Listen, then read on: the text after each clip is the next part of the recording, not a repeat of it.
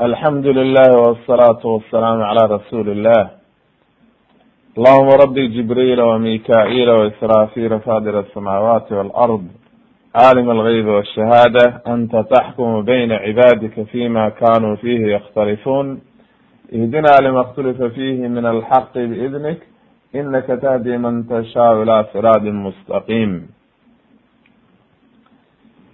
In sha allahu tabaaraka watacaala waxaynu ku dhex jirnay silsilatu ashraad isaaca calaamadihii yaryaraa calaamaat suqra ayaynu ku dhex jirnay.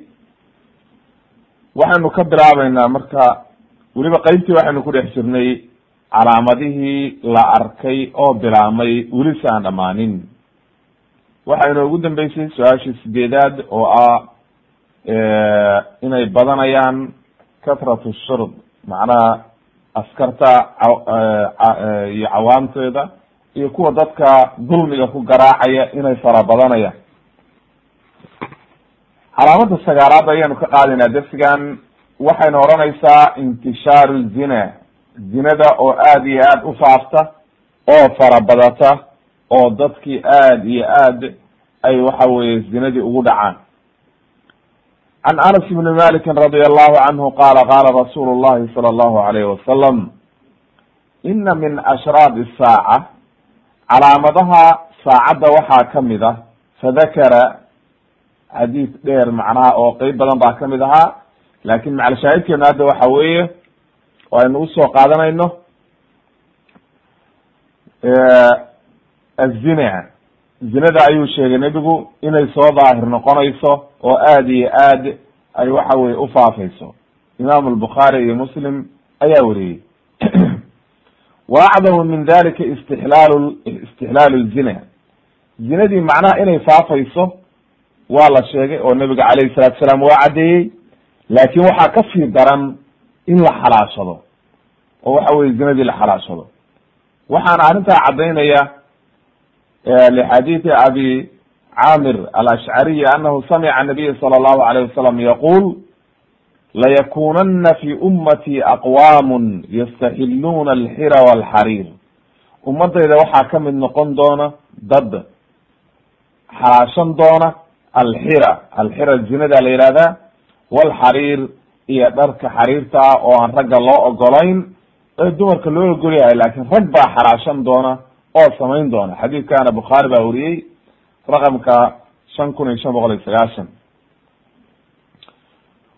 Waxay marka culimmadu yihahdeen wa fi akhir zaman bacda dhihaabi lmu'miniin yabqa shiraaru nnaasi yatahaarajuuna tahaaruj alxumur akhir zamaanka markay noqoto oo mu'miniintu dhamaadaan oo dhulka laga waayo waxba qof yihahda laa ilaha ila allah waxaa haraya markaa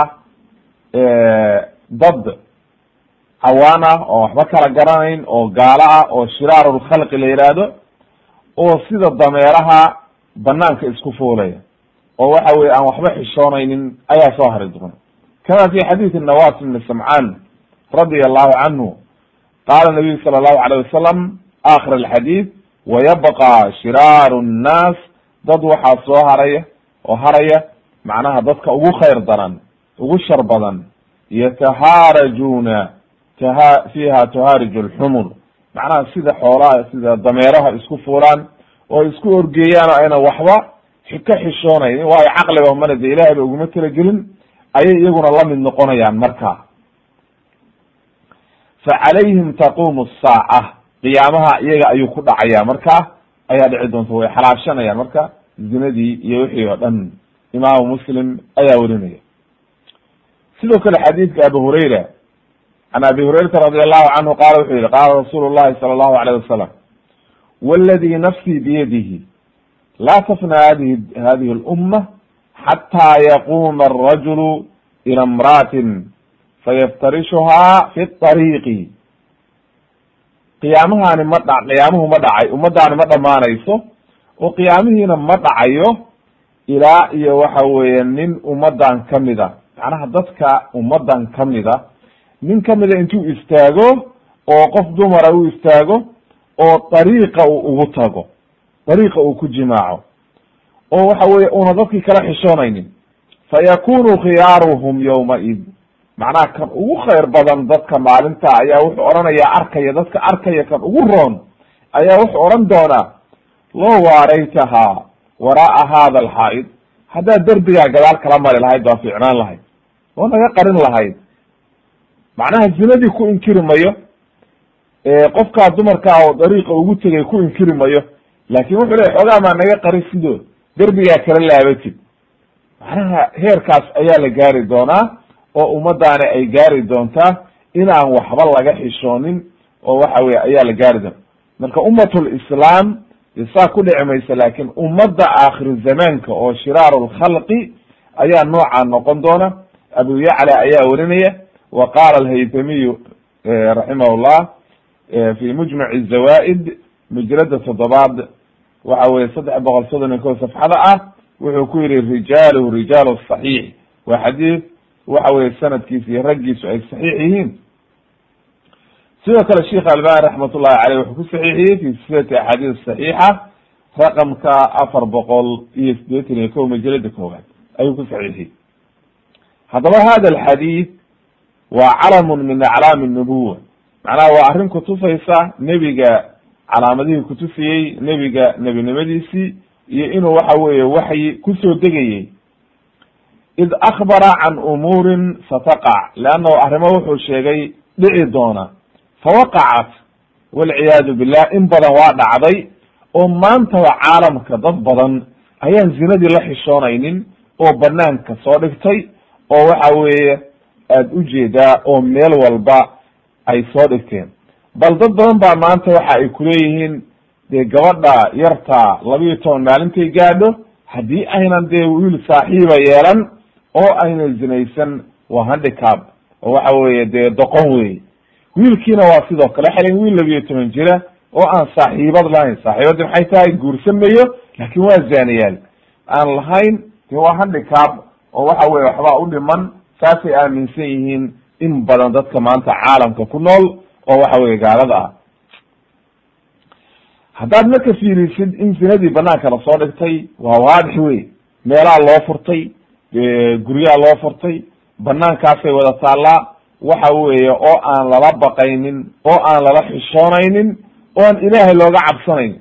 Maca alasaf ashadiid marka dad muslimiina oo waxa weye markaa iyagiina saa ku dhacaya oo guryo u furanaya walwalba ayna banaanka iya soo dhigan laakiin guryo u furanaya waa arrin aad iyo aad u khatara wey walciyaadu billah. Calaamada tobnaad intishaaru riba. Ribadii ayaa iyadana ka mid ah inay faafto lixadiidi ibni mascuud ayaa arrintaa caddaynaya. Can inabiy sala allahu alayh wasalam qaala bayna yaday saaca waxaa saacadaha kamida horteeda saacadda horteeda waxaa dhici doona yudhiru riba. Inay macnaha yadharu riba. Ribadii ayaa waadix noqonaysa oo soo daahiraysa oo meel walba lagu isticmaalaya oo aan laga cabsanaynin oo ilaahay looga cabsanaynin. Imaamu dabarani baa werinaya wasaxahu sheikh albani raximah llah fi saxiixi tarkiib raqamka kun iyo sideed boqol iyo lixdan iyo ko ayuu ku saxiixiyey.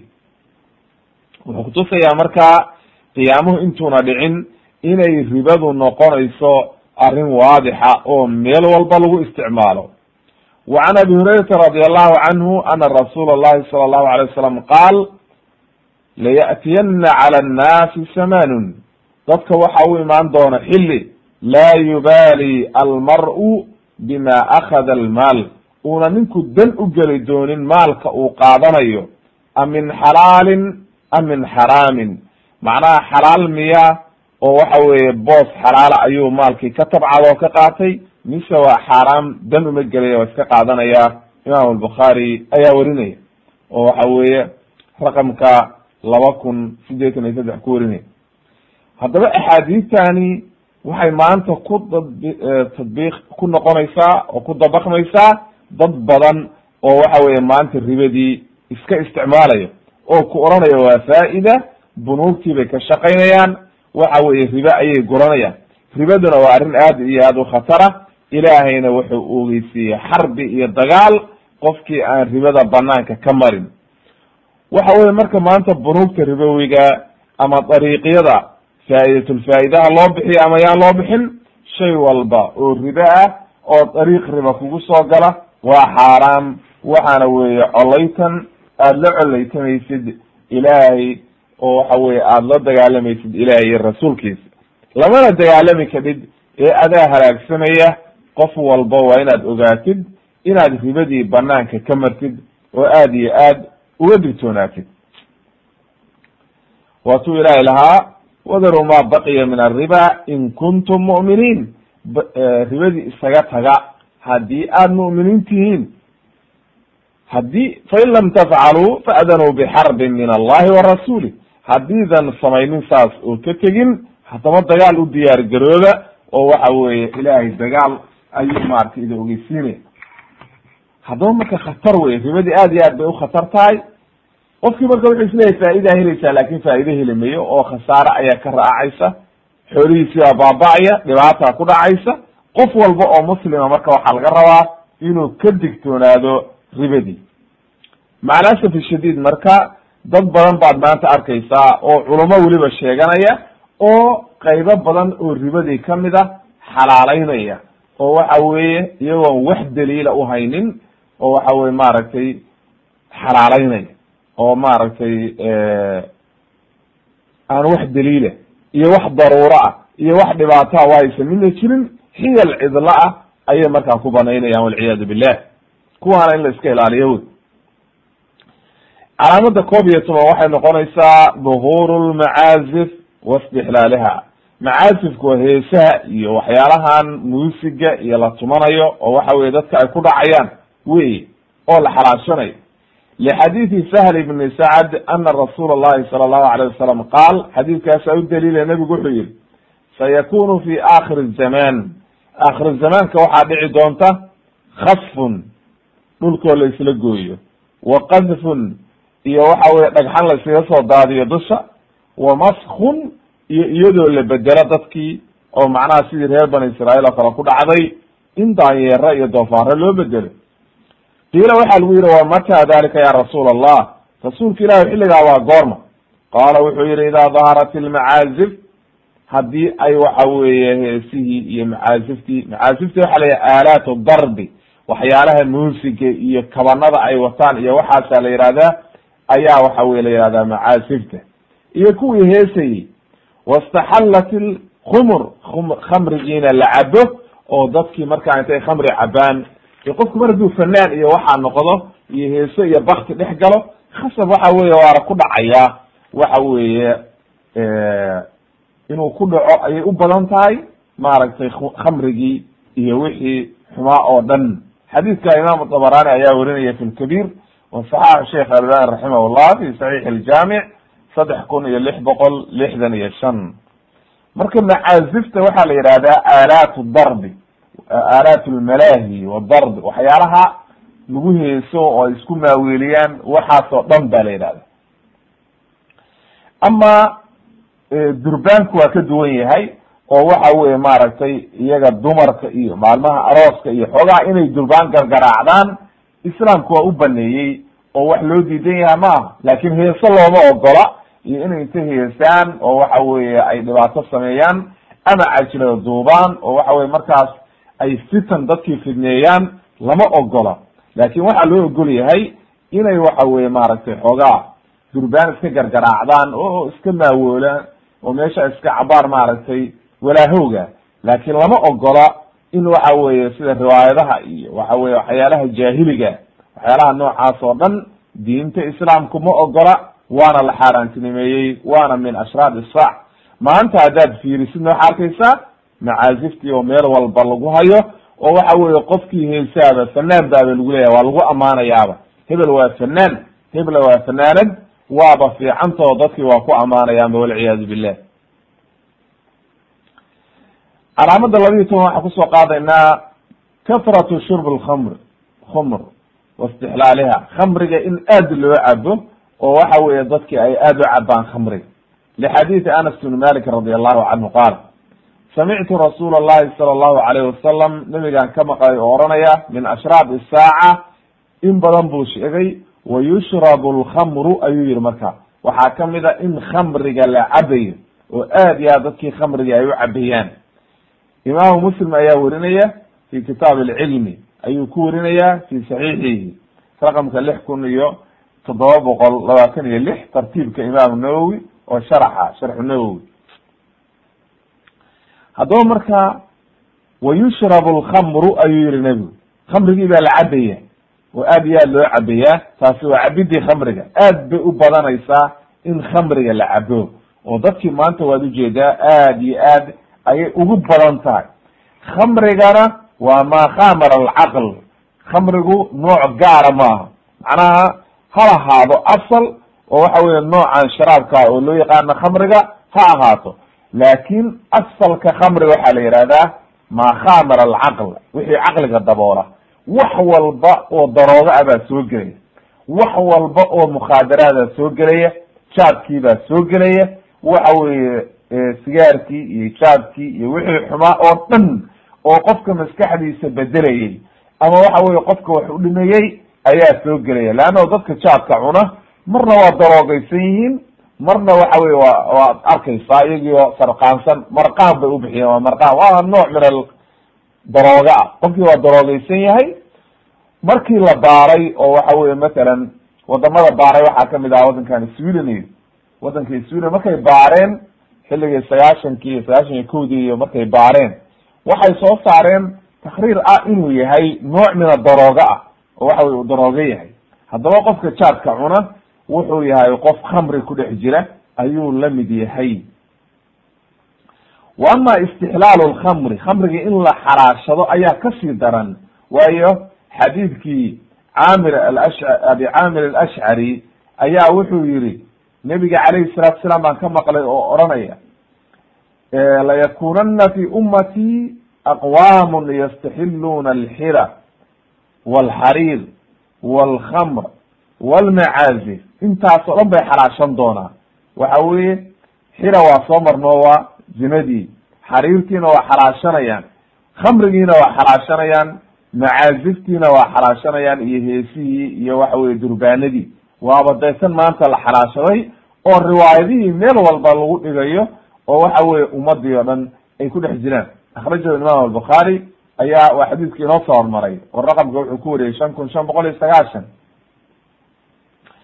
walakin yasumuunaha bigayri ismiha ha xalaashadeena odhan mayaan khamrigu waa xalaal magac kale bay ku magacaabayaan waa sharaab bay leeyihiin waxa weye heesihiina waxay leeyihiin waa maaweelo waxa weeye wax walba magac kale ubixinayaan magac kale ayay ubixinayaan arrintaa waxaa caddeeyey xadiidkii laga wariyey can cubaadat bni samit radi allahu canhu qaala wuxuu yihi qaala rasuulu llahi sala allahu alayh wasalam latastaxilana daa'ifatun min ummati ummadayda qeyb ka mid a ayaa xalaashan doona waxa weye maaragtay khamriga biismin yasumuunaha iyo macnaha magac kale u bixin doonaan oo waxa weye magac bay ku tilmaami doonaan way imaamu axmed ayaa werinaya wasaxaxu sheikh albani raximah llah fi fi silati xadiis saxiixa raqamka sagaashan iyo gaayat almaram raqamka labiyo toban. Haddaba marka waxaa halkaa kaaga caddaaday inay xalaashanayaan. Haddaba qowlka nebiga axaadiistiisa in badan ku soo noq noqonaysa aqwaamun min ummati aw daa'ifatu min ummati ummadda nebiga labaa loo qaybiya ummatu dacwa wa ummatu listijaaba ummatu dacwa waxaa la yidhahdaa cid walbo nebiga loo soo diray. Kulli maalintii la soo diray ilaa qiyaami saaca waxa imaan doona waa ummatu dacwa. Diintaa marka wixii qaata oo dacwadii gaarto ayaa la yidhahdaa markaa ummat listijaaba marka ummat listijaaba waa muslimiinta waa ciddii islaamtay. Haddaba marka dadkii maanta waxaad arkaysaa dad badan oo islaam sheeganaya oo khamrigii cabaya oo ku dhex jira oo waxa weeye dabaalanaya. Amaa qofkii inuu yihahdo waa xalaal wallahu aclam waayo qofku haduu yihahdo waa xalaal waa gaaloobaya oo waxa weye diintii waa ka baxaya. Amaa gaaladii iyagu de waa xalaashanayaan oo waxa weye iyagu waa sharaab iyo magacyay ubixinayaan laakiin aakhiru zamaankana waa imaan doontaa inay dad badani xalaashadaan oo markaa ku dhacaan. Wallahu aclam waxaa ka sii daran oo khamrigii isagana xaraashigiisii la mid ah min bayciha jihaaran. Waxa weye inuu qofkii iibinayo isagii. Isagii baa iibinaya ama waxa weeye wuxuuba cabayaaba dariiquu la taagan yahay waayo qofka dariiqa la taagan oo dadka ka qarsanan iska cabaya waa arrintiisi aad bay khatar u tahay. Kan iibinayana arrintiisi aad bay khatar u tahay. Waayo waxaad arkaysaa wuxuu kuleeyahay maya anigu cabi maye waa iibinaya waa arrin maaragtay aad iyo aad u khatara oo waxa weye jahliya inuu qofku daliil ka dhigto o yihahdo waan iibinaya maxaad u iibinaysaa arrintaani xaaraam weye ilaahay baana kaa xarimay. Wax xaaraamana inaad iibisid ma banaana diinta islaamka kuma banaana haddaba ikhwani fillah waa in arrimaha aada looga digtoonaado oo banaanka laga maro. Xadiidkii sidoo kale calaamada saddex iyo toban waxay dhahaysaa zukrufat lmasaajid watabahi biha masaajidii in la qurxiyo oo aad iyo aad loo dhaldhalaaliyo oo loo qurxiyo oo waxa weye la isugu faamo masaajidii markaa masaajidu asalku waxay ahayd buyutullah guryihii ilaahay wey cid cid ka xigtana ma jirin. Wa ana almasaajida lilahi falaa tadcuu maca allahi axada. Waxa weeye fi buyuutin adina allahu an turfaca wayudkara fiha smuh macnaha asalka waxay ahayd masaajidu inay noqdaan lilah laakin waxaa dhici doonta oo waxa weye min calaamaati saaca ka mid a haddana dhacday inay dadkii masaajidii kow horta way qurxinayaan. Aad bay u qurxinayaan way dhalaalinayaan. Nalal waaweyn bay ku xirayaan. Ubaxyay ka lulayaan. Waad u jeedaa maanta meel walba mutleel iyo farshaxan iyo qurux. Masalan hadda haddaad carabo oo kale degtid naxdin baad u dhimanaysa soomaalida hadaynan bahaysanba dhaqaalo badan oo ay ku qurxiyaan waxa weeye kaanamaa masaajidba inayna meeshaan ahayn ee loogu talagalay nooc min aturista marka dubay oo kale ayaanan tegey baan ku arkay masaajid baan galay subxaan allah waa naxay macnaha ma waxaad soo gashay qasri oo waxa weeye boqor mise waxaad soo gashay masaajid ma kala garanaysid.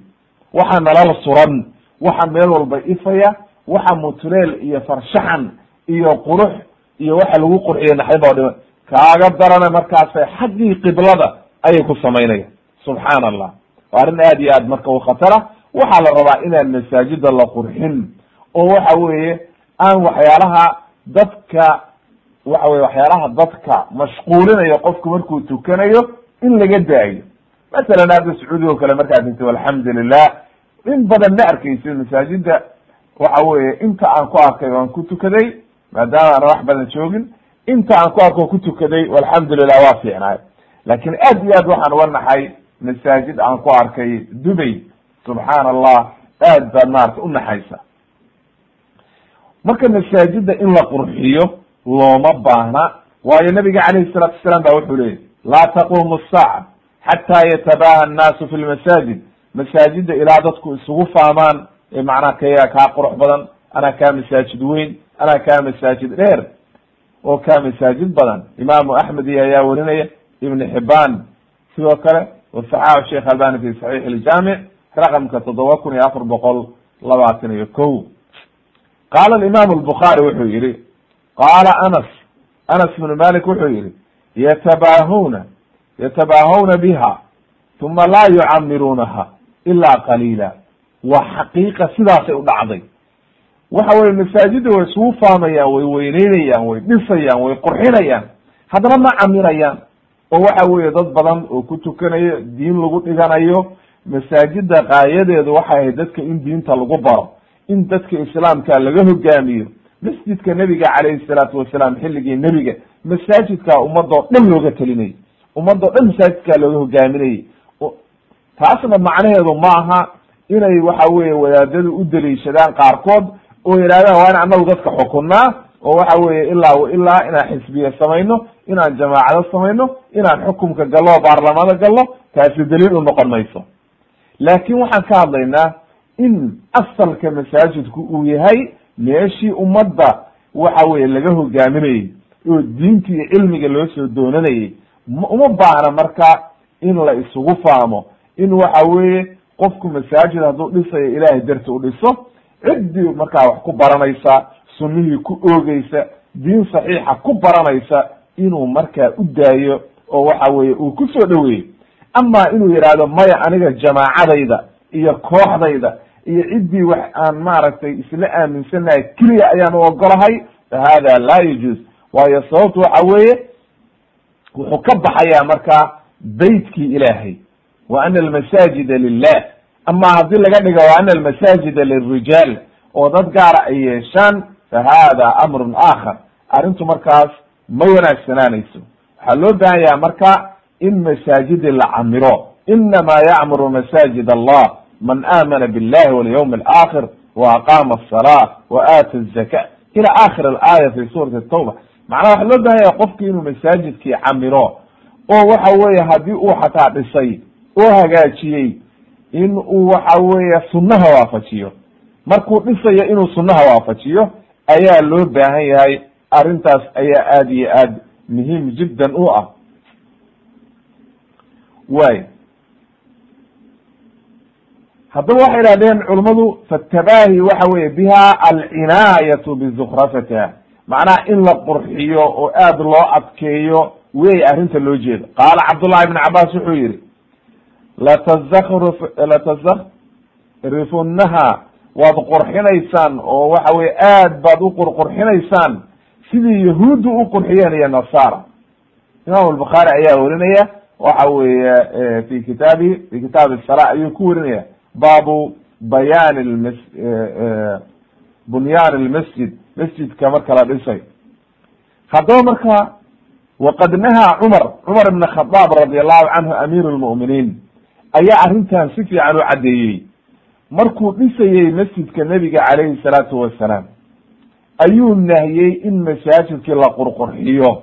Wa qaala wuxuu yihi markii uu amray bitajdiid lmasjid nawowi akina annaasa min almadar. Kii dhisayey buu la hadlay injineerkii raggii dhisayey dadka ka adkee buu yihi roobka yuu u soo gudbin. Wa iyaaka an tuxamara aw tusafara fataftina annaas. Waxaan kaaga digayaa inaad gedgaduudisid oo jaalle jaalle ka dhigtid inaad ama gedgaduudisid ama jaalle jaalle aad ku samaysid oo qurqurxisid dadka aad fidnaysid marka. Imam albukhaari baa werinaya fi kitaab salaa baabu bunyaan masaajid haddaba qowlkaas ayaa waxa weeye meesha muhiimka waa halkaa. Dadka roobka ka celi masaajidkii adkee oo waxa weye yuu dumin. Haddaad waxa weeye sidaad u dhisaysid adkee oo masaajid qaymale ka dhig laakin ha qurxinin ha dhaldhalaalinin. Sida caadiga ah derbigiisa waa inuu noqdaa derbi caadiya? Haddaad shamito yar iyo nuurada yar la mariyo wax aan dadka indhahooda soo jiidanaynin ku samee.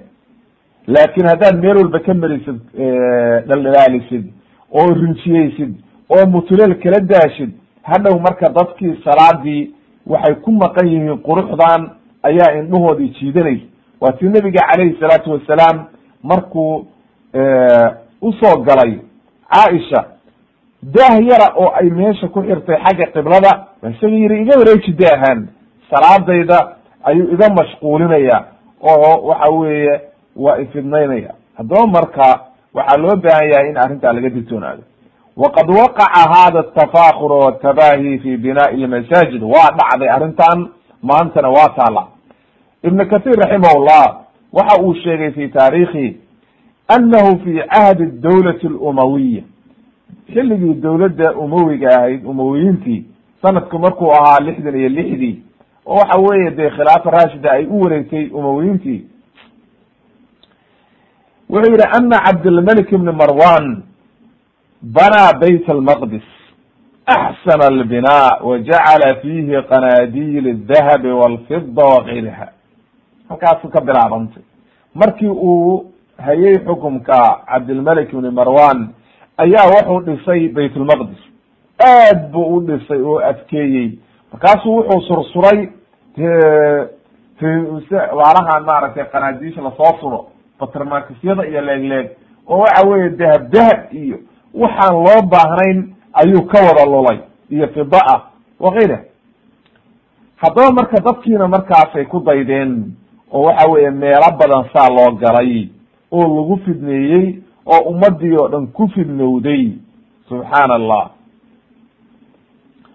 wakhtaruu bihi ila zamanina hada dad badan baa ku dayday bu yihi xarameynka dad ka mid a ku dayday oo waxa weye arrintaa fitan badan baa ka dhacay kitaabkiisa albidaaya wanihaaya ayuu ku keenaya majalada sideedaad saddex boqol soddon sideetan iyo saddex raqamka safxada ah.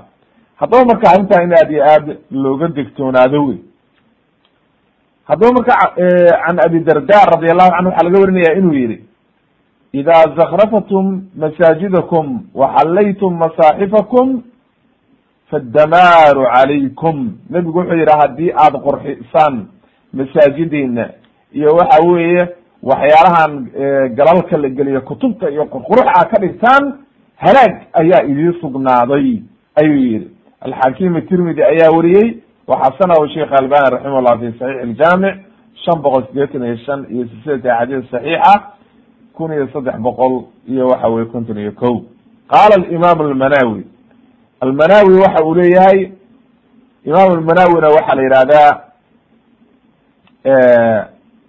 zaynuddin moxamed ibn cabdira'uf ra'uf ibn taj taj alcaarifin ibn cali ayaa la yihahdaa oo waxa weeye wuxuu ka mid yahay culummada aad iyo aad shuraax lxadiid wuxuu dhintay ba la yihi qaahira ku dhintay kun iyo soddon iyo kowdii raximah llah ayuu ku dhintay turjamadiisana waxaad ku helaysaa maaragtay alaclaam ayaad ka helaysaa oo taraajumta qaamuus qaamuus taraajum ayaa halkaa ka helaysaa. Likhayrdin ayaa iskale haddaba marka imaam almanawi de kutub badan buu sharaxay sida sayd alqadirka iyo kutub badan buu leeyahy oo sharaxay waxa wey culamaa shuraax alxadiis buu ka mid yahay. Wuxuu yihi fazukrufat lmasaajid waxa weye masaajida oo la qurxiyo iyo masaaxibta manhiyun canha arrintaasi waa la nahiyey liana dalika waxaa arrintaas sababta keenaysa oo loo nahiyey waxay tahay waxa uu mashquulinayaa qalbiga. Khushuucii baa qofka ka tegaya iyo tadaburki iyo khuduuci ayaa ka tegaya uu ilaahigi subxaana qaadirka xusuusan laha waladi calayhi shaaficiya shaaficiyadu waxay yidhahdeen bu yihi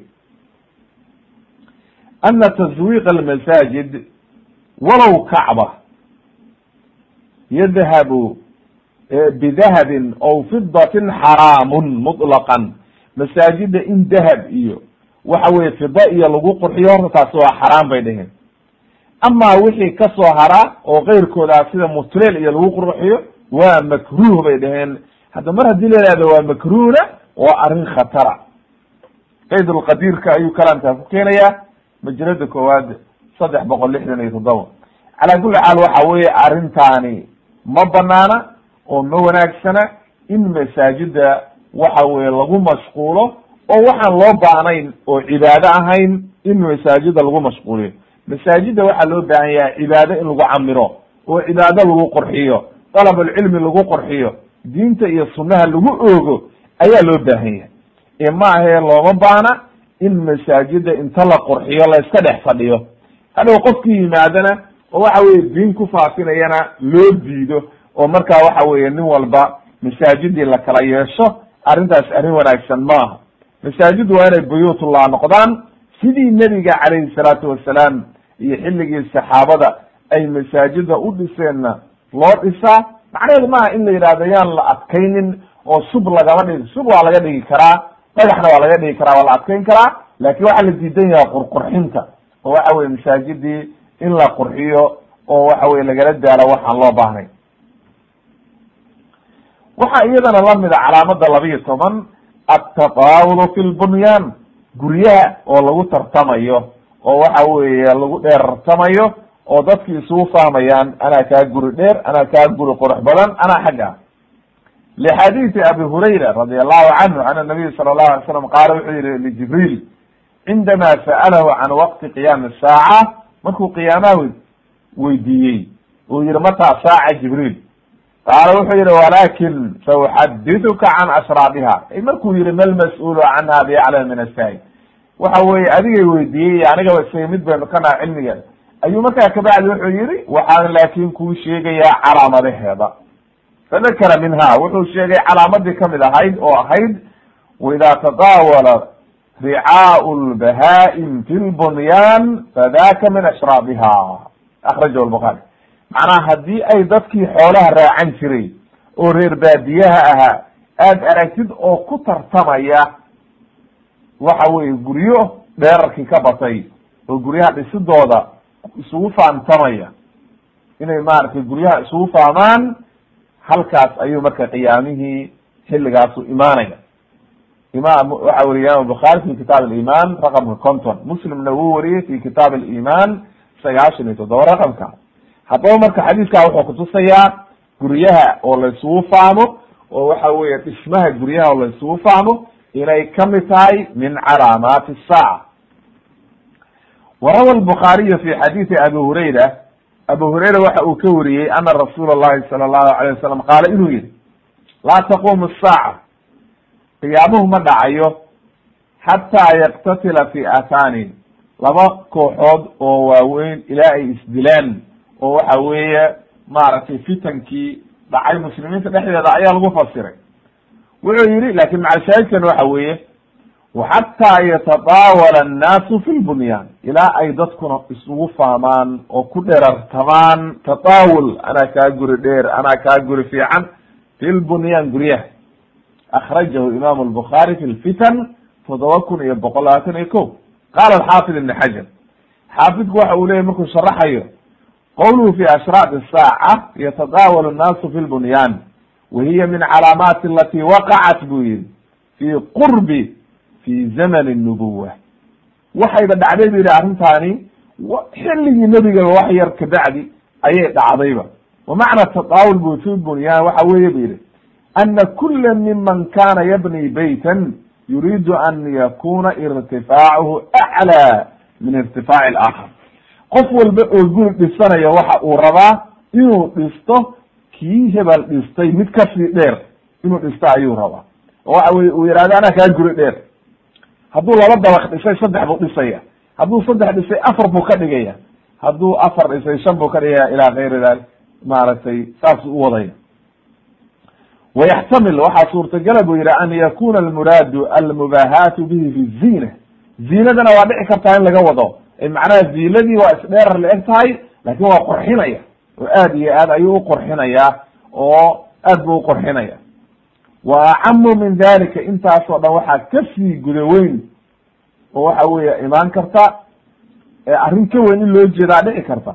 Waqad wujida alkathir min dalika wa huwa fi isdiyaad bu yihi macnaha arrintaas iyo ka badan ba waa la helay qaar guryihii isugu faamaya dheerarkooda oo waxa weeye qofkii ay isugu faamayaan anaa kaa guri dheer intuu dabaq dhisay ayuu isna ka sii badinayaa markaasuu leeyahay anaa kaa guri dheer oo ku faamaya. Ama waxa weeye guryihii waa isdheerar la egyihin laakin qurxintii baa laisugu faamaya anaa kaa guri qurux badan. Fatxulbaariga ayuu arrintaa ku keenaya majalada saddex iyo toban boqol iyo toban safxada ah ayuu arrintaa ku sharaxayaa ibn xajar raximahullah. Laakin arrintan uu yihi wayaxtamil waxaaba sii cadaynaya arrin soo socota laakin arrintaa tadaawulku waxa uu ka hadlayaa irtifaac. In kor loo qaado guryihii oo la isugu faamo. Amaa qurxinta iyo naqshadaynta calaamadan soo socota ayaa ka hadlaysa oo iyaduna si gaara uga hadlaysa. Waa calaamada shan iyo toban. Waxa uu yihi ma jaa fi naqshi lbunyaan naqshigu waxa weye waa farshaxanka iyo qurxinta iyo waxa weye naqshadaynta in la qurqurxiyo ay wey can abi hurayrata radi allahu canhu can nabiy sala la slam qaal laa taqumu الsaaca xataa yabni annaasu buyuutan yushabihuunaha bilmaraaxil macnaha ilaa ay dhisaan dadku guryo ay ku shabahayaan maraaxil al maraaxil maraaxisha waxay yihahdeen culamadu marka waxa weye qaala ibrahim wuxuu yihi yacni athiyaab almukhatada macnaha dharka la qurxiyo oo waxa weye la naqshadeeyo ayaa waxa weye loo yaqaanaa arrintaas. Xadiidka horta waa xadiis saxiixa oo imam albukhaari baa ku warinaya fi adab lmufrad wa saxaxa sheikh albani fi adab lmufrad afar boqol iyo konton iyo sagaal iyo silsilata xadiis saxiixa laba boqol todobaatan iyo sagaal wa qowluhu yushabihuunaha yacni yunaqishuunaha. Way naqshadaynayaan oo gurigii bay naqshadaynayaan oo bianwaaci alalwaani almukhtalifa macnaha noocyo kala duwan oo midabyo kala duwan ayay ku samaynayaan guryihii kamaa tunaqash sida loo naqshadeeyo athiyaab walfurush iyo joodariyada ubax ubax iyo waxyaalaha ay ku sameeyaan ayaa haddana guryihii lagu samaynaya way maantana way joogtaa innagana waddankeena aad bay ugu badan tahay. Oo waxa weye aad iyo aad ayaa arrintan maanta lainoogu fidneyey way haddaba marka in aad iyo aad looga digtoonaado weeye naqshigaas.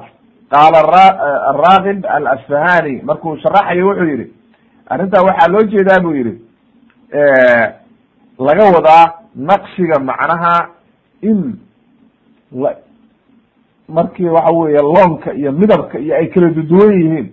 Marxalkuna waxa weye jamcu muraxal ay bitashdiid alxaa. Muraxal. Wa yuqaalu thawb muraxal. Wa thawb fiihi tirxaal tarxiil. Waxaa laga wadaa bu idaa kaana manquushan.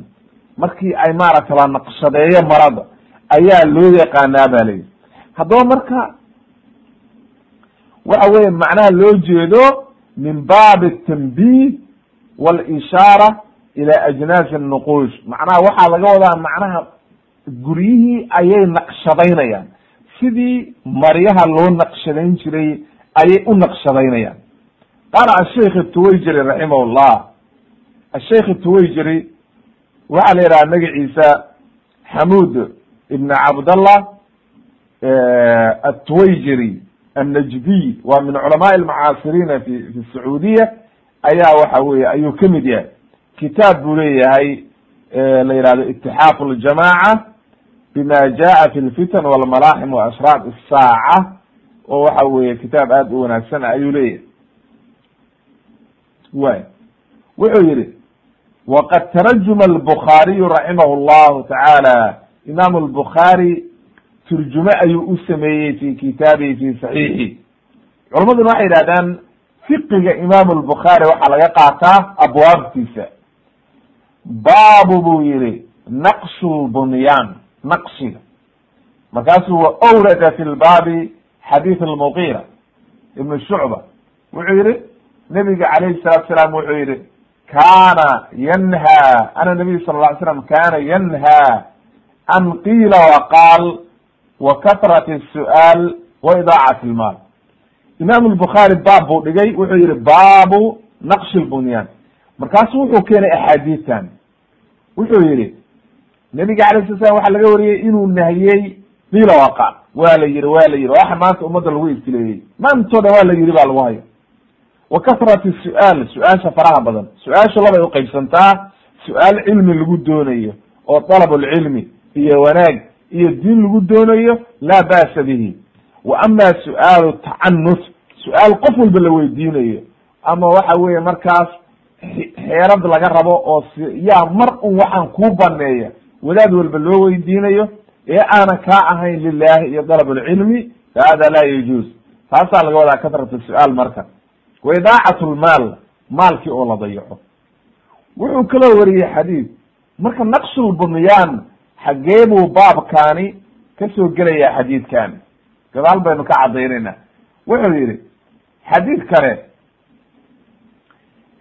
nebigu wuxuu yihi calayhi salaatu wasalam xadidka abu hurayra lam yunji axada minkum camalahu wa fiihi fasadiduu waqaaribuu wlqasda alqasda tabluguu macnaha dhexdhexaysta oo tartiib oo waxa weeye camal badan oo aad samaysaan waxa weeye janno lagu gelimaye waxa weye ilaahay qofku hanuuniyo iyo dariiqa wanaagsan iyo waxa weye wanaagga. Ilaahay raxmadiisaa jannada lagu gelaya laakin camalkiina sabab bu u yahay dadaala marka naftiinana ha cadilina tartiib. Dhexdhexaad waxa weeye sameeya. Haddaba marka labada xadiid daahirka saniicu lbukhaari raximah llah fi iraadi hadayn alxadiitayni fi baabi naqsh lbunyaan waa maxay? Wuxuu u deliishanayaa calaa ana naqsh lbunyaan laa yajuuzu biamrayni. Laba arrimood ayuu u deliishaday inayna banaanayn naqshu bunyaan in guryaha la qurqurxiyo. Ko ana fiihi buu yihi waxaa ku jirta idaacat almaal maalkii oo la dayacay oo la dhuminayo. Waqad nahaa sala allahu alayh wasalam can idaacat almaal maalka in la dayacana nebigu waa nahyi wathani waxaa ku jirta annahu israafun. Waa israaf wey mukhaalifun lima amara bihi rasuulu llahi sala la min aliqtisaad. Macnaha nebigu wuxuu ina amray tartiib iyo dhexdhexaad. Iyo waxa weye nolol fiican oo dhexdhexaada laakin in guluwi lagu sameeyo nolosha oo xoolaha lagu cayaaro waa lanaga nahiyey haddaba waxaa ka laazimaysa marka maalkii oo la dayacay oo lagu cayaaray iyo waxa weeye xoolihii oo waxa weye israaf lagu sameeyey. Haddaba ma banaana bay leeyihiin culummadu sidaas uu ku cadaynayo sheikhu tuwayjeri waxa weye fi adab lmufrad waxa weye uu kitaabkiisa itixaaf ljamaca raqamka majalada labaad boqol lixdan iyo afar ilaa boqol lixdan iyo shan. Haddaba arrintaas aad iyo aad inaynu isaga ilaalino weye oo arrimahaasi ma banaana oo aad iyo aad bay khatar u tahay. Waayo sababtu waxa weeye maalkii baa la dayacayaa xoolihii baa lagu cayaaraya waxaasoo dhan waa arrin aad iyo aad u khatara wey calaamada lix iyo toban ayaynu u soo gudbaynaa wilaadat lamat amatu lirab lirabbatiha addoontii inay dhasho rabbigeedii. Wa fi riwaayatin rabbaha qaala ibn اlatir wuxuu yihi alrabu yuطlaqu fi luqa cala almalik boqorka ayaa loo jeeda qofkii lahaa ayaa luuqada waa la yihahdaa rab cala almalik qofku wixii uu leeyahay rab lbeyt wa rab lmaal waa la yihahdaa wsayidna waa la yihahdaa wlmurabbina waa la yihahdaa waxa waxaas o dhan ayaa lagu idlaaqa walaa yudlaqu gayra almudaafi ila cala allah rabbi keliya haddii la yihahdo hadda nebigu wuxuu yihi rabbataha ama rabbaha. Waxa weye marka haddii la aan wax loo idaafayn oo wax loo fiirin ee rabbi keliya la yidhahdo waa allah. Lakin haddii la yidhahdo rab lmaal wa rab lbeyt wa rab lmanzil wa rab waxaasoo dhan waxa weye waa idaafa oo loo jeedo waxa weye xilligan waxa weye dadka markaa loo jeedo. Wuxuu ku tacriifinayaa kitaabkiisa annihaaya fi qariib alxadiid majalada labaad boqol lixdan iyo shan ayuu arrintaa ku leehay marka rabbigii abuurtay maaha kan loo jeedo ee waxa weeye rabbigii lahaa oo markaa waxa weye maamulayey oo waxa weye meligii ama boqorkii ama sayidkeedii ayaa loo jeeda jaa fi xadiidi jibriil qawluhu sala allahu alayh wasalam wasaukbiruka can ashraadiha ma lmas-uulu canha biaclam min asaa'il markuu yihi ayuu yihi waxaan kuu sheegayaa calaamadaheeda idaa waladat ilamatu addoontii haddii ay dhasho rabbatahaa waxa weeye sayidadeedii haddii ay dhasho akrajahu imam bukhaari iyo muslim baa weriyey haddaba culummadu waa isku khilaafeen arrintan riwaadahana qaarna waxay lehin rabbaha oo nin laga dhigo ama sayidkeedii ama sayidadeedii aqwaasha culummada marka tacaariif badan bay ka bixiyeen waxay yidhahdeen marka qaar baan soo qaadanayna. Wanadkuru raajixa min aqwaalihim. Qaala imam alkhadaabi wuxuu yihi macnaahu waxa weeye itisaacu lislaam wastiilaau ahlihi cala bilaadi shirki wa sabyi daraarihim. Faida malaka arajulu aljaariya wastawladaha kana alwaladu minha bimanzilati rabha rabbiha. Liannahu waladu sayidiha wa hada alqowl huwa akthar min alculama wuxuu yihi imam alkhadaabi raximah llah macnaha loo jeedo waxa weye buu yihi islaamka ayaa badanaya oo waxa weye xukumka islaamka intishaar iyo waxa weye meel walba diinta gaaraysa dad badan baa so mushrikiintii bay la dagaalamayaan addoomo badan bay helayaan markay addoomo badan helaan ayaa ninkii wuxuu yeelanaya addoomo badan waa xilligii nebiga alayh salatu salam iyo xilligii saxaabada ayaa laga hadlay manaa nebiga alayh salatu salam kabacdi markuu dhintay waa kii islaamku meel badan gaaray oo addoomo badan la helay. Marka ninkii sayidka ahaa oo xukumka hayey markuu addoontii ile waa u bannaan tahay uu jimaaco wiil bay dhalaysaa ama gabad bay dhalaysaa. De wiilkii waa wiilkii boqorka ama wiilkii madaxda oo waxa weye waa sayid sayid waa boqorada. Ama beriwaba xukunkii qabsanaya oo la wareegaya sidii dhacday umawiyiintii iyo in badan maaragtay cabaasiyiintii iyo wax dhacday macnaha nin walba inuu wiilkiisii kabacdi ka sii dhaxlay xukumkii ama sidaa maanta boqor boqortooyada carabaha oo kale. Haddaba marka wiilkii hooyadii waa addoon oo waa la leeyahay oo aabihiisay addoon u ahay laakin xukumkii markuu qabsado wiilkii waa kano wuxuu noqday madax. Hooyadiisuna waa addoon. Haddaba marka sidaa daraaddeed ayay arrintu imaanaysaa ba la yidhi. Iyadiibaa dhalaysa oo waxa weeye boqo boqorkii. Oo waxa weeye madaxdii xukuntay dhalaysa. Qowlka labaad waxaa lagu tilmaamay waxay yidhahdeen cuquuq lwaalideyn ayaa badanaya. Oo waxa weye waxay noqonaysaa kasratu an yaksura alcuquuq fi lawlaad fayatacaamala alwaladu umahu mucaamalata sayid amatahu. Macnaha inuu wiilkii ama gabadhii ay hooyadood ula isticmaalaan sidii addoontii oo kale. Adeegsadaan cuntada kala yaraadaan ay ihaanaystaan ay caayaan ama garaacaanba waa waxa maanta taagan. Haddaba labadaa calaamadoodba aad iyo aad ayaa loo arkay oo labadaba aad bay u badan tahay. Maantana waa joogtaa oo waxa weeye maanta addooma haddaynu haynin laakin waxa weeye waxa aad u badan cuquuq lwaalideyn ayaa aad u badan. Fatxulbaariga ayuu ku keenayaa majalada koowaad boqol lixdan iyo labo safxada ibn xajar ayuu ku keenaya aqwaal kaloo badanna waa jirtaa laakiin labadaa qowl ayaa ugu muhiimsan oo culummadu ku sharaxaan haddaba marka maanta aad bay u badan tahay cuquuq lwaalideyn iyo waxa weeye maaragtay aad iyo aad u fara badan tahay walciyaadu billah ilahay naga badbaadiye calaamada toddoba iyo toban wuxuu yihi calaamadaani waxay odhanaysaa taqaarubu zaman zamanka oo isku soo dhowaada.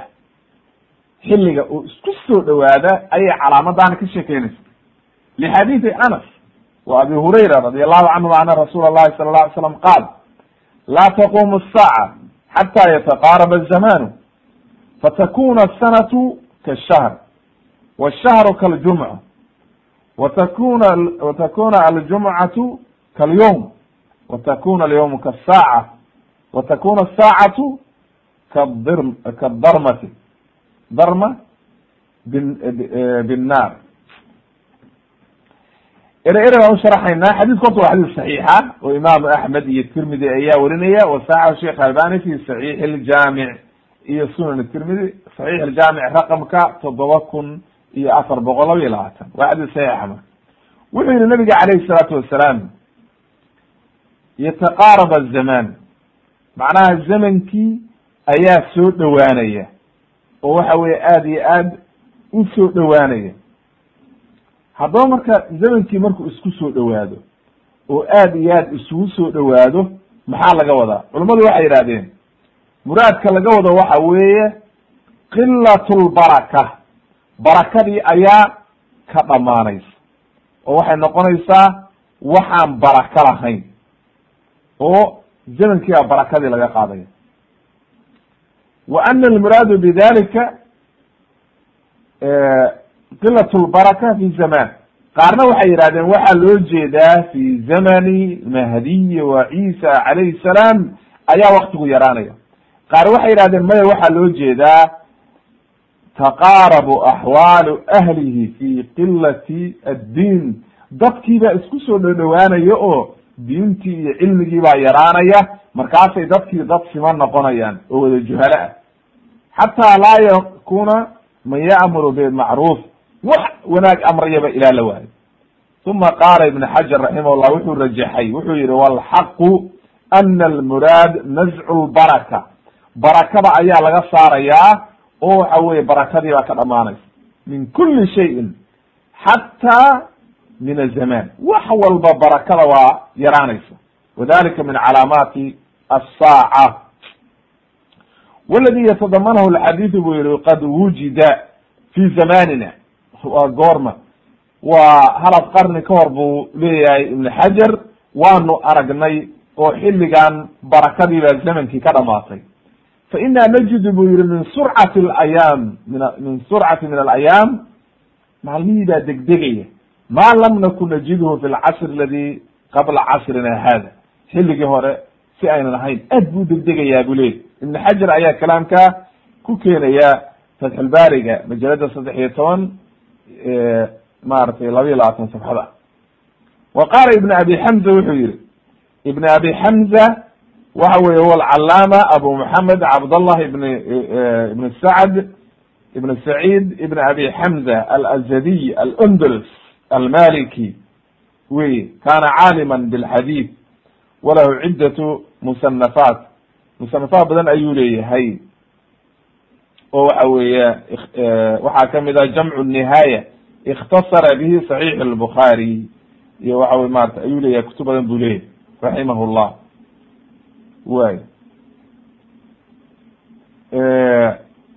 Wuxuu ku dhintay ba la yihi bimasr sagaal lix boqol iyo waxa weye maratay sagaashan iyo shantii raximah llah waxaana turjumadiisa ka heleysaa albidaaya wanihaaya majalada saddex iyo toban afar boqol saddex boqol afartan iyo lix safxada. Marka aad waxa u soo naqliya ibn abi xamza fatxulbaariga ayaa aad ugu soo naqliya aqwaashiisa xaafid ibn xajar wuxuu yihi yaxtamil an yakuna almuraadu qisarahu. Qisra ma qisarahu macnaha soo gaabnidiisa in laga wado. Calaa ma waqaca fi lxadiid laa taqumu saaca qiyaamuhu ma dhacayo xataa la xataa takuna sanatu ka shahr ilaa ay sannadkii la mid noqoto bil. Wa cala hada falqasru yaxtamil an yakuna xisiyan. Macnaha inayba noqoto oo maalintii wax yar oo wax suurtagala oo waxa weya macanawiyan ba aysan ahayne ay xisi noqoto oo maalintiiba saacado yar ay noqoto. Way wayaxtamil an yakuna macnawiyan.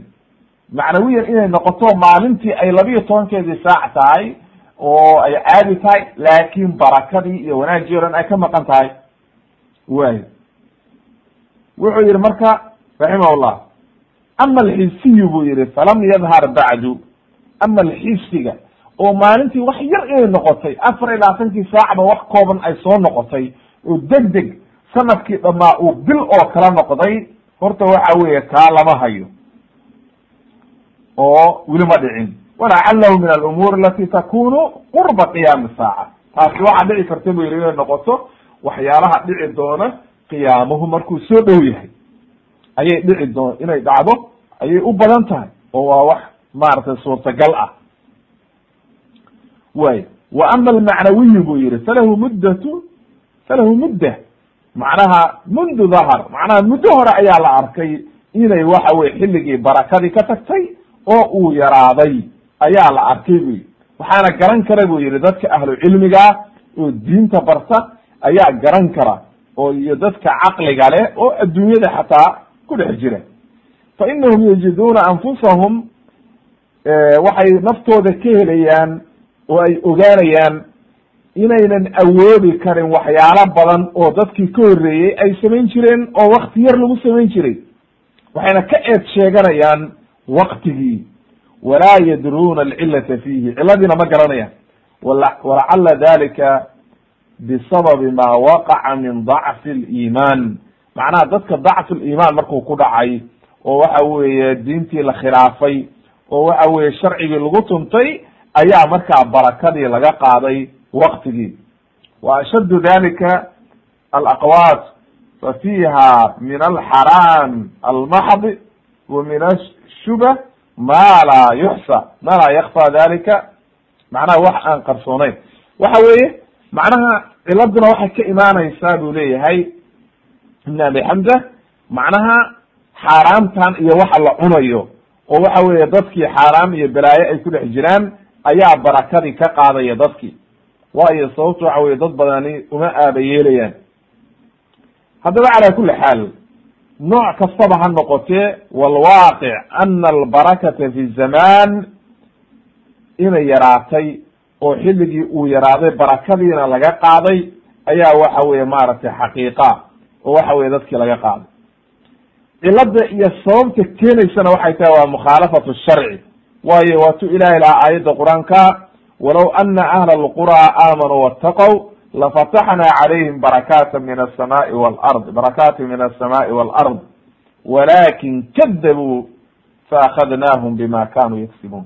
Maaha markii ay dadkii haddii ay ilaahay rumeeyaan oo dariiqa xaqaa maraan oo iska ilaaliyaan xaaraamta iyo mukhaalafada ilahay waxa weye wax walba waa inoo barakaynaya oo barakoo dhan ayaa la helaya haddii laakiin la khilaaf lagu jiro oo waxa weeye la la diido dariiqii xaqa ahaa oo waxa weye diintii la khilaafo dee markaa waxaa imaanaysa in waxa weeye dhibaato iyo mashaakil uu ku yimaado ummadii. Way qowlka ibn abi xamzana wuxuu ku soo guurinayaa ibn xajar raximahullah fi fatx lbaariga majalada saddex iyo toban safxada labiiy labaad. Ayuu ku soo guurinaya haddaba arrintaasi waa arrin sugan marka. Waxaa khulaasadeeduna noqonaysaa arrintan xifsiga ah weli ma dhicin.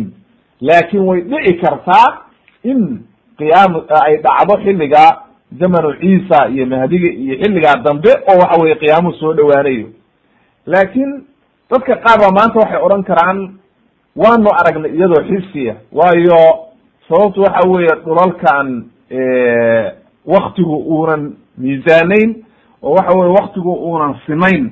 Sida waxa weye scandinavianka iyo waxyaala sida maaragtay yurubta iyo xilliga qabowga ah waktigu aad bu u yaraadaa maalintu. Laakin maalintii baa yaraanaysa ama habeenkii baa yaraanaya xilliga samarka laakin afar iyo labaatan saac bay labadiiba isugu imaanayaan oo labadiiba wakti kama go'ayo. Laakin qoraxdii un baa kaa dhacaysa oo habeen baad gashay habeenkii baa badanaya. Taas marka ma aha ee waxaa laga hadlayaa waxa weeye inuu waktigii sannadkii dhamaa inuu noqdo sidii waxa weeye bil oo kale. Bishiina ay noqoto waxa weeye asbuuc oo kale asbuuciina maalin oo kale. Taasaa laga hadlayaa oo waxa weeye laakin tani afar iyo labaatankii sac way joogtaa wallahu aclam calaamada sideed iyo toban waxay odhanaysaa iyaduna taqaarub laswaaq iyadana waxaa dhacaysa in suuqaqii isku soo dhowaadaan oo waxa weeye suuqyadii iyo ganacsigii iyo meelihii ganacsiga goobihii ganacsiga ay noqoto wax aada isugu dhow. Can abi hurayrata radi allahu canhu wuxu yihi ana rasuula allahi sala ly slam qaala laa taqumu asaaca xataa tadhar alfitan ilaa fitanku uu daahir noqdo oo bato qiyaamuhu ma dhacayo wayaksura alkadib kadibkiina uu bato beentii ay badato. Waaye wayataqaarub alaswaaq. Suuqiina ay isku soo dhowaadaan oo waxa weye aada iyo aad ay suuqii isugu soo dhowaadaan suuqii aswaaqdii meelihii wax lagu ganacsanayay waaye wa qaala alhaythamiy wuxuu yihi rawaahu imaamu axmed warijaalu warijaalu rijaalu صaxiix gayra saciid ibn samcaan wa huwa hiqa macnaha rijaasha kaloo dhan waa waa raggii sanadka. Ayuu ka hadlayaa bukhaari iyo muslim ay xujaysteen oo daliishadeen amaas ninka la saciid isaguna waa hiqa ayuu yihi oo rijaashiisu waa rijaal saxiixa xadiidka. Mujmac zawaaidka ayuu saa ugu saxiixinayaa majalada toddobaad saddex boqol labaatan iyo toddoba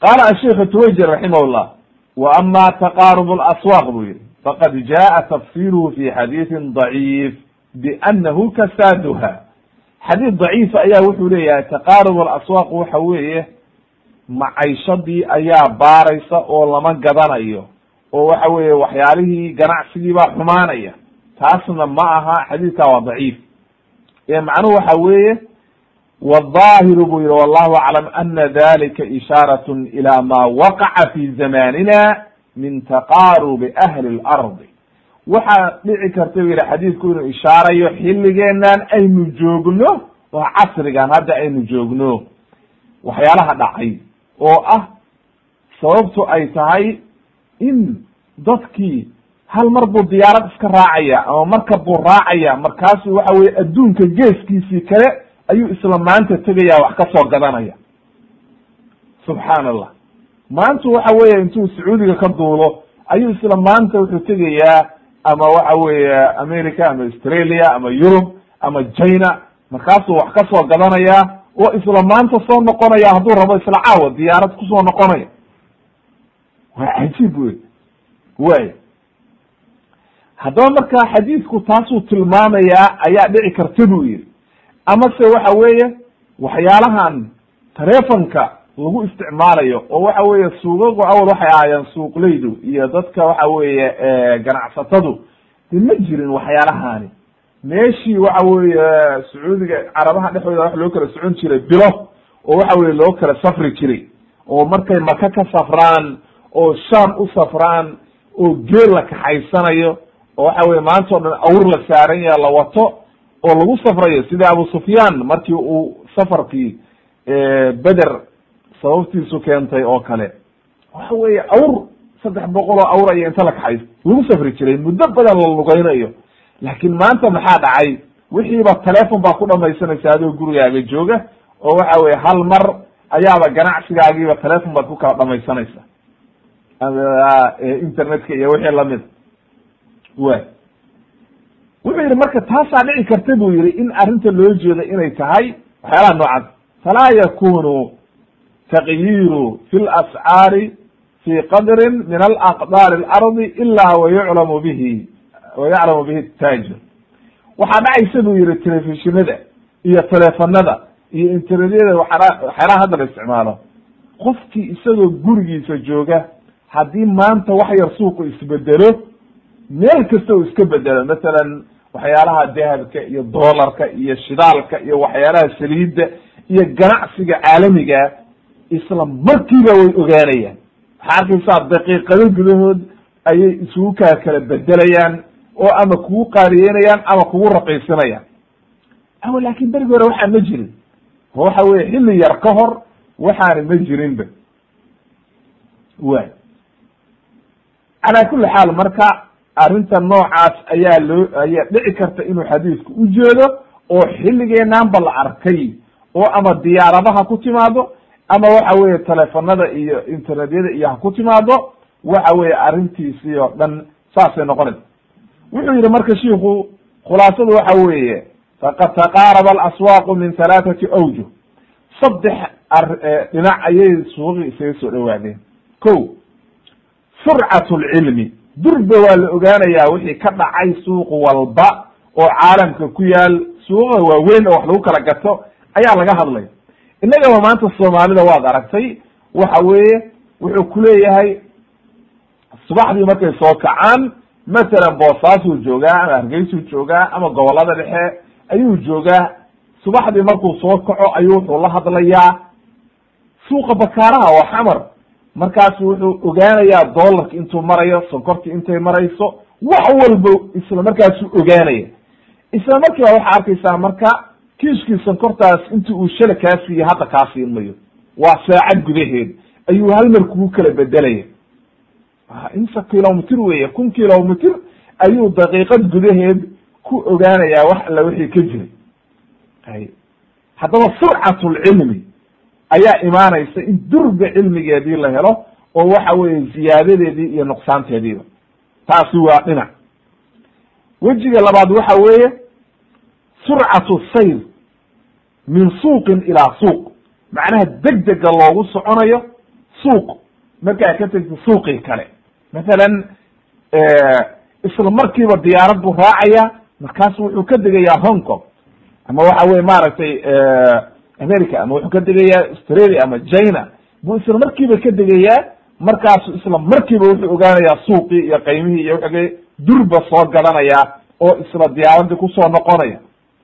Haddii laakin ayna jirin waxaani de weligii ma aadeen ama waxay noqon lahayd masaafo aada u dheer. Wejiga saddexaad oo ay isaga soo dhawaadeen waxa weeye muqaarabatu bacdiha bacdan fi lascaar macnaha suuqii qaymihiiba isku dhow dhow waiqtidaau bacdi ahliha bibacdin fi ziyaadati wa nusqaan.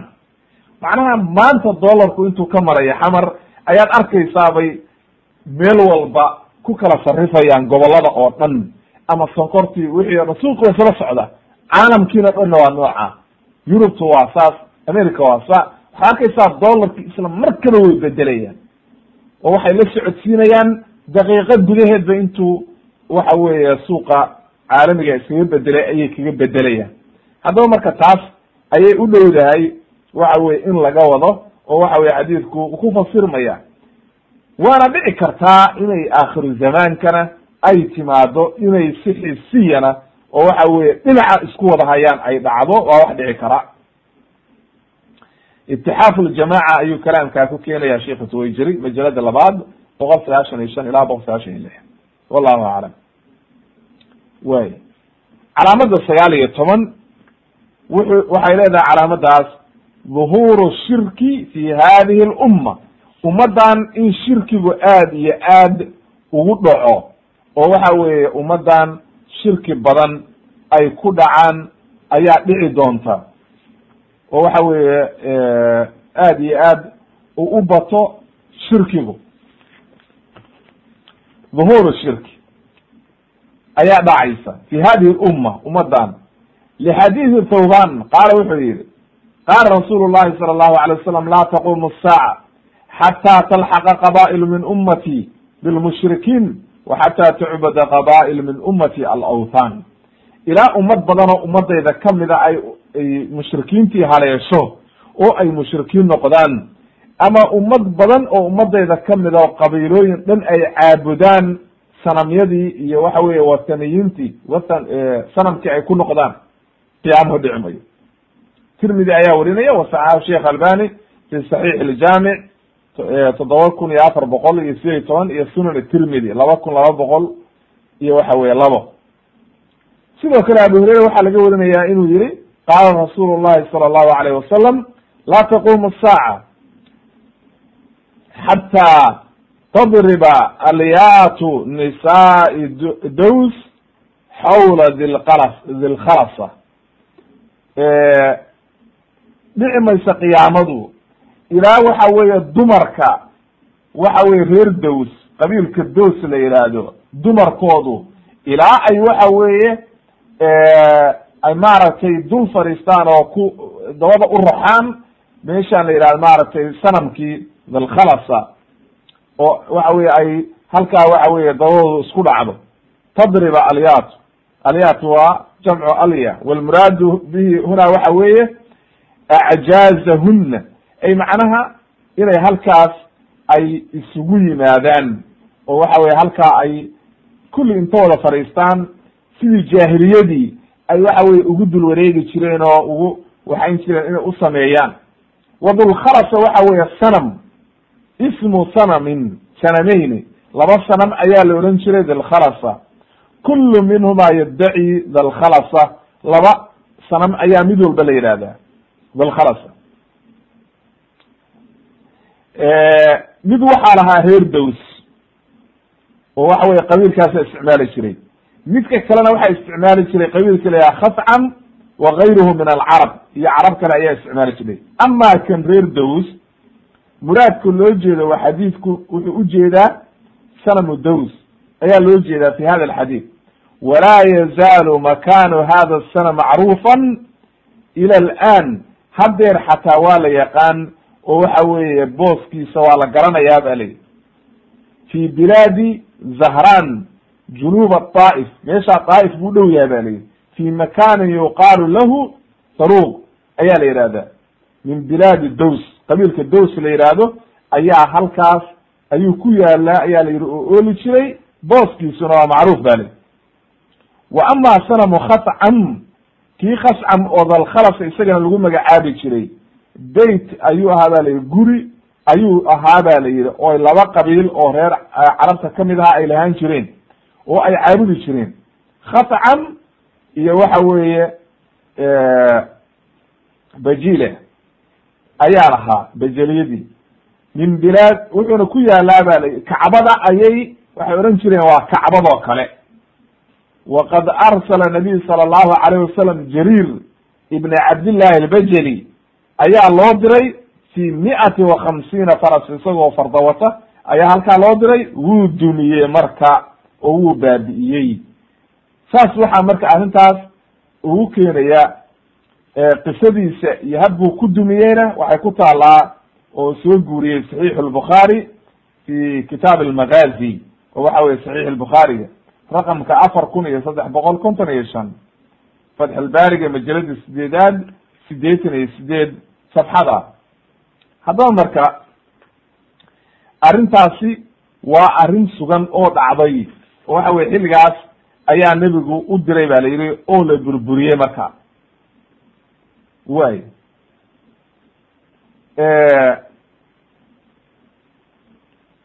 wuxuu marka xadiidkan inoo caddaynayaa oo ina tusayaa in ay dhici doonto waxa weeye oo waxa weye xilliga shirkiga intuu dhaco ay halkaa markaas dumarku intay isugu tagaan ay halkaa waxa weeye ku dul wareegi doonaan ayuu xadiidku ina baray.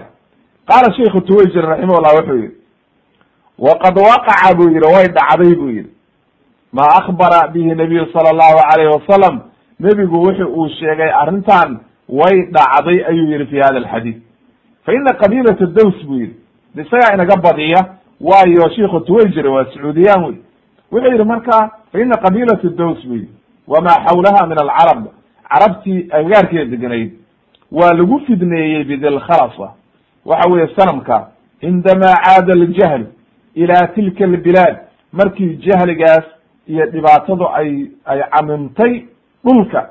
Waa xilligii jahliga iyo waxa weye camimay oo waxa weeye intaan diinta iyo waxa weye caqiidada tawxiidka saxiixa intaan loo soo noqon. Fa acaaduu sidii hore ayay ka dhigeen oo way ku noqdeen oo waxa weye way dul fariisteen. Wacabaduuha min duni illah. Ilahay ka sokoona way caabudeen xataa qaama ashaykh moxamed ibn cabdilwahaab raximahu llah bidacwati ila tawxiid ilaa uu waxa weye xilligii ay ahayd sheikh moxamed ibn cabdilwahaab ayaa soo baxay oo waxa weye markaa dadkii diinta iyo tawxiidka iyagoo qabuuro dul fadhiya oo waxa weye sanamyo dul fadhiya oo dul hoganaya ayuu markaa tawxiidka ugu yeeray oo yidha war ilaahay ka cabsada rabbigii ida abuurtay keligii ayaa la caabudaa cid kale oo la caabudaana ma jirto. Haddaba halkan wax yar baan tambiihinaynaa dad badan baa markay maqlaan maxamed ibn cabdilwahaab ayaa waxay ka qaadeen maaragtay khawf iyo cabsi oo waxay leyihin waa wahaabiyo waa xagga waa bidco waxaas wax saxiixa ma aha. Asalku wahaab waa ism min asmaa illah cabdulwahaab waa cabdullahi cabdullahi haddii lu yihahdo ama cabdicasiis lu yihahdo ama cabdilqaadir waxa waa saas oo kale cabdulwahaab waa ism min asmaa illah wahaab waxa weye ninkaana magaciisa maxamed ba la yihahdaa sheikh min alculamaai sacuudiyin ayuu ka mid ahaa. Tawxiid iyo caqiiduu dadka ugu yeeray. Qofka islaamka marka waxaanu leenahay kutubtiisa akri yaan waxa weeye shaki cidlaa lagaa gelinin oo sida dad badan ku dhacday dad badan baa waxaa ku dhacday markay maqleen oo nimanka suufiyada ahi ay dadka ka dhaadhiciyeen ninkaasi mubtadic buu ahaa inay isagiiba iska nacladayaan ama shaki ka qaadeen oo ka cararayaan iyagoon kutubtiiba akriyin ninkaani qaala allahu wa qaala rasuulu waxaan ahayn ma deliishado kitaabka iyo sunnaha ha lagu dhaqmo ayuu kuleeyahay caqiidada saxiixa oo caqiidada nebi maxamed hala qaato ayuu dadka ugu yeerayey. Shirkiga iyo qabuuraha ha laga tago ayuu dadka ugu yeerayey. Tawxiid iyo caqiiduu dadka ugu yeeray ma aha inuu diin cusub la yimid madhab cusubna la yimid wahaabiye waxa la yidhahdana ma jiraan. Madhabna ma aha.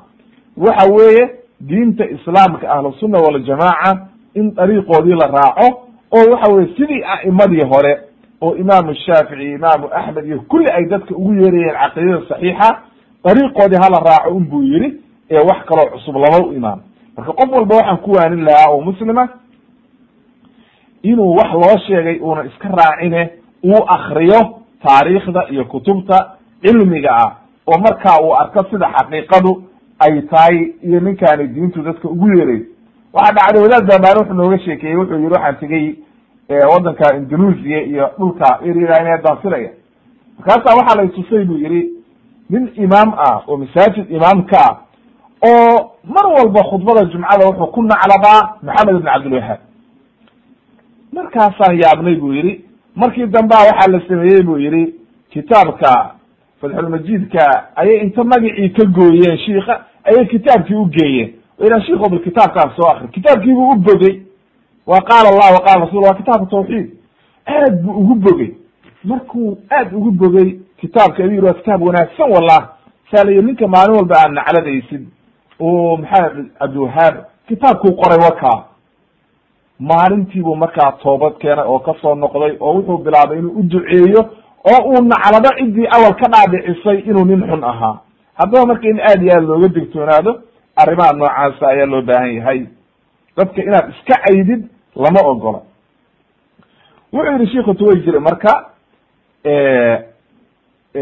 wuxuu yihi markuu xilligaas ahayd oo dacwada iyo tawxiidka uu ugu yeeray maxamed cabdiwahaab dadkii wajadada maa danasa min addiin diintiina wixii dadku jahligii uu ka dulqaaday diintii aad dadka ugu baraarujiyey oo cusboonaysiiyey wacaada alislaamu ila jaziirat alcarab caqiida islaam dadku wa ahaayeen oo dadku gaalo ma noqon laakin tawxiidkii iyo caqiidadii iyo waxa weye diintii ayay si fiican ugu soo noqotay xilligii waxay ahayd marka alimaam cabdilcaziz ibn moxamed ibn sacuud.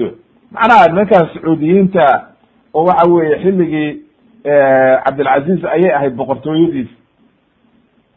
Wuxuu diray jamaaca marka min adducaati ila dilkhalasa halkaa ayaa waxaa loo diray ciidan iyo rag culamo ah markaasaa waxa weye la gubay oo la baabi'iyey meeshii oo waxa weye eber laga dhigay. Haddaba marka xukumkii ayaa marka saas u baabi'iyey ba layihi tilka alfatra kabacdina buu yihi caada aljuhaalu ila cibaadatiha. Haddana mar labaad ayay dhacday inay sidii sameeyeen oo arrintii ay haddana ku soo noqdeen. Kabacdina boqortooyadii cabdilcaziz ibn abdira ibn cabdiraxman al sacuud ayaa markaas xijaas markii uu qabsaday amara wuxuu amray raggii askartiisa iyo wixii ayuu u diray. In dad loo diro markaasaa la burburiyey oo la baabi'iyey. Walxamdu lilahi rabi alcaalamiin itixaaf ljamaca ayuu ku soo guurinayaa sheikhu tuwayjeri kalaamka majalada koowaad shan boqol iyo labaatan iyo laba. Wuxuu inoo caddaynayaa marka in meeshii la baabi'iyey dalkhalasa laakiin ay dhacday inay dadkii xilli ay dadku ku dhaceen in ay caabudaan inay dhacday walciyaadu billah akhiru zamaankana waa dhici doontaa wa can caaishata radi allahu canha qaalat waxay tiri samictu rasuula allahi sala allahu alay slm rasuulka ilahi baan ka maqlay oo oranaya laa yadhabu alleyl wannahaar xata tucbad allata walcuza ilaa iyo waxa weeye qurayshna sidii oo kale ay ay ku dhacdo oo waxa weeye maka ay sidii oo kale carabtuna loo caabudo allata walcuza waxa weye ilaa la caabudo shardi maaha in maka lagu caabudo laakiin ilaa la caabudo qiyaamuhu ma dhacayo mar labaad qultu waxaan ku yidhi bay ya rasuul allah in kuntu la adunnu xiina anzala allahu macnaha waxaan u waxaan ahaabay tiri mid u malaysa markii ilaahay uu soo dejiyey qawlahu tacaala huwa aladi arsala rasulahu bilhuda wa diin alxaqi liyudhirahu cala diini kuli walaw kariha almushrikuun markay aayaddaas soo degtay fi suurati tawba ilahaygii soo saaray huwa aladi arsala rasulahu bilhuda. Ilahaygii rasuulka la soo diray hanuun iyo diin xaqa si u kormariyo diimaha oo dhan uga kormarto diinta islaamku. Walow karaha almushrikuun. Ayaa waxaan u malaynaya bay tiri ana dalika taaman inuu dhamaystirantay oo aan dib damba udhacaynin qaala wuxuu yihi nebigu marka waxa weye caaisha faqiihad bay ahayd aayaddaanay ka fahamto waxay tiri macnaha dee dib dambe shirki u soo noqon mayo. Qaala markaasuu nebigu wuxuu ku yidhi inahu sayakunu min dalika ma shaa allah. Waxay arrintaasi ahaanaysaa muddo intii ilaahay doono. Uma yabcathu allahu riixan tayiba. Ilaahay wuxuu soo dirayaa dabayl wanaagsan. Markaasay waxay qabanaysaa fatawafi wa fatawafaa kullu man fi qalbihi kula man fi qalbihi mithqaalu xabati khardal min iimaan macnaha qof walba oo qalbigiisa wax yaroo iimaana ku jiro waa la oofsanaya waa dhimanayaa dabayshaasaa dilaysa waa akhiru zamaanka waa bacda nabiyullahi ciisa calayhi salaam markaasaa waxaa dhacaysa fayabqa man laa khayra fiihi waxaa haraya dadka waxaan khayr lahayn oo gaalo ah. O aan waxba ahayn ayaa haraya. Fayarjicuuna ilaa diini aabaa'ihim. Diinihii aabbayaashoodii hore oo macnaha hore ayay u noqonayaan shirkigii markaasay saa shirki ugu daadanayaan oo kulli dib u gaaloobayaan. Haddaba halkaa xadiidka ayaa marka caddaynaya. Imaamu muslim ayaa werinaya fi kitaab alfitan fi saxiixi xadiidka toddoba kun laba boqol labaatan iyo sideed ayuu ku keenaya. Haddaba marka halkaa waxay inooga caddaatay qowlkaas xadiidkaas oo waxa weye inoo waadixiyey aayadda qur'aanka oo sida caaisha ay inoo caddaynayso in arrintaani ay soo noqnoqonayso ilaa aakhirka ugu dambeeya oo waktiga ugu dambaysa oo xilliga waxa weeye nabiyullahi ciisa iyo kabacdi shiraaru lkhalqi ay isku harayaan waxa weeye nabiyullahi ciisa iyo ayay inoogu imaan doontaa qisadooda. Markaynu ka sheekeynayno in markii nabiyullahi ciisa iyo mahdiga iyo kulli ay dhamaadaan oo yajuuj iyo majuuj iyo kulli ay dhamaadaan aakhirka ugu dambeeya calaamada ugu calaamadaha ugu dambaysa ayay ka mid tahay riixun dayiba in ilaahay soo diri doono dabayl. Markaa qof walba oo muslima nafta ka qabanaysa. Walow xataa haddii uu galo buuraha salkooda ay kaga dabagelayso oo markaa nafta ka qabanayso. Qof islaama dhulka lagaga tegi mayo markaasaa aakhirka ugu dambeeya qiyaa dadka waxay isku soo harayaan dad juhalo ah oo aan diin garanaynin oo gaalaa la yihahdo shiraaru lkhalqi markaasay waxa weeye ku hala qiyaamuhu ku dhacaya oo waxa weye marka halkaas ayay marka ka hadlaya xadiidku haddaba marka arrintaani waxay inoo caddaysay oo qodobka inooga caddaaday shirkigii inuu soo noqonayo soona noqday. Oo bilaabmay inuu soo noqdo. Oo waxa weeye meelo badan uu maanta caalamkana dhooban yahay. Ama waxa weeye shirkigaasi meelo badan buu ka imaanaya. Ama qabuura ha ka yimaado. Ama dad noolba ha ka yimaado. Ama wax kale ha ka yimaado. Masalan dad badan baa maanta waxay kuleeyihiin hebel cilmi keybkuu og yahay. Waxbuu ii sheegaya. Waa shirki arrimaha noocaasa waa kufrun billah. Kulli ilaahay baa wax og cid kale oo wax og ma jirto. Qabuuro la baryaan waxba ogeyn cid la baryo oo dhimatay baan waxba ogeyn. Rabbigii subxaana qaadirka in la baryo weeye oo lagu kalsoonaado. Insha allahu tabaaraka watacaala halkaa ayaan ku joojinaynaa. Waana sii soconaysaa waxa weye calaamaduhu. Wa subxaanaka allahuma bixamdika ashhadu an laa ilaha illa anta astaqfiruka waatubu ilayk walxamdu lilahi rabi alcaalamiin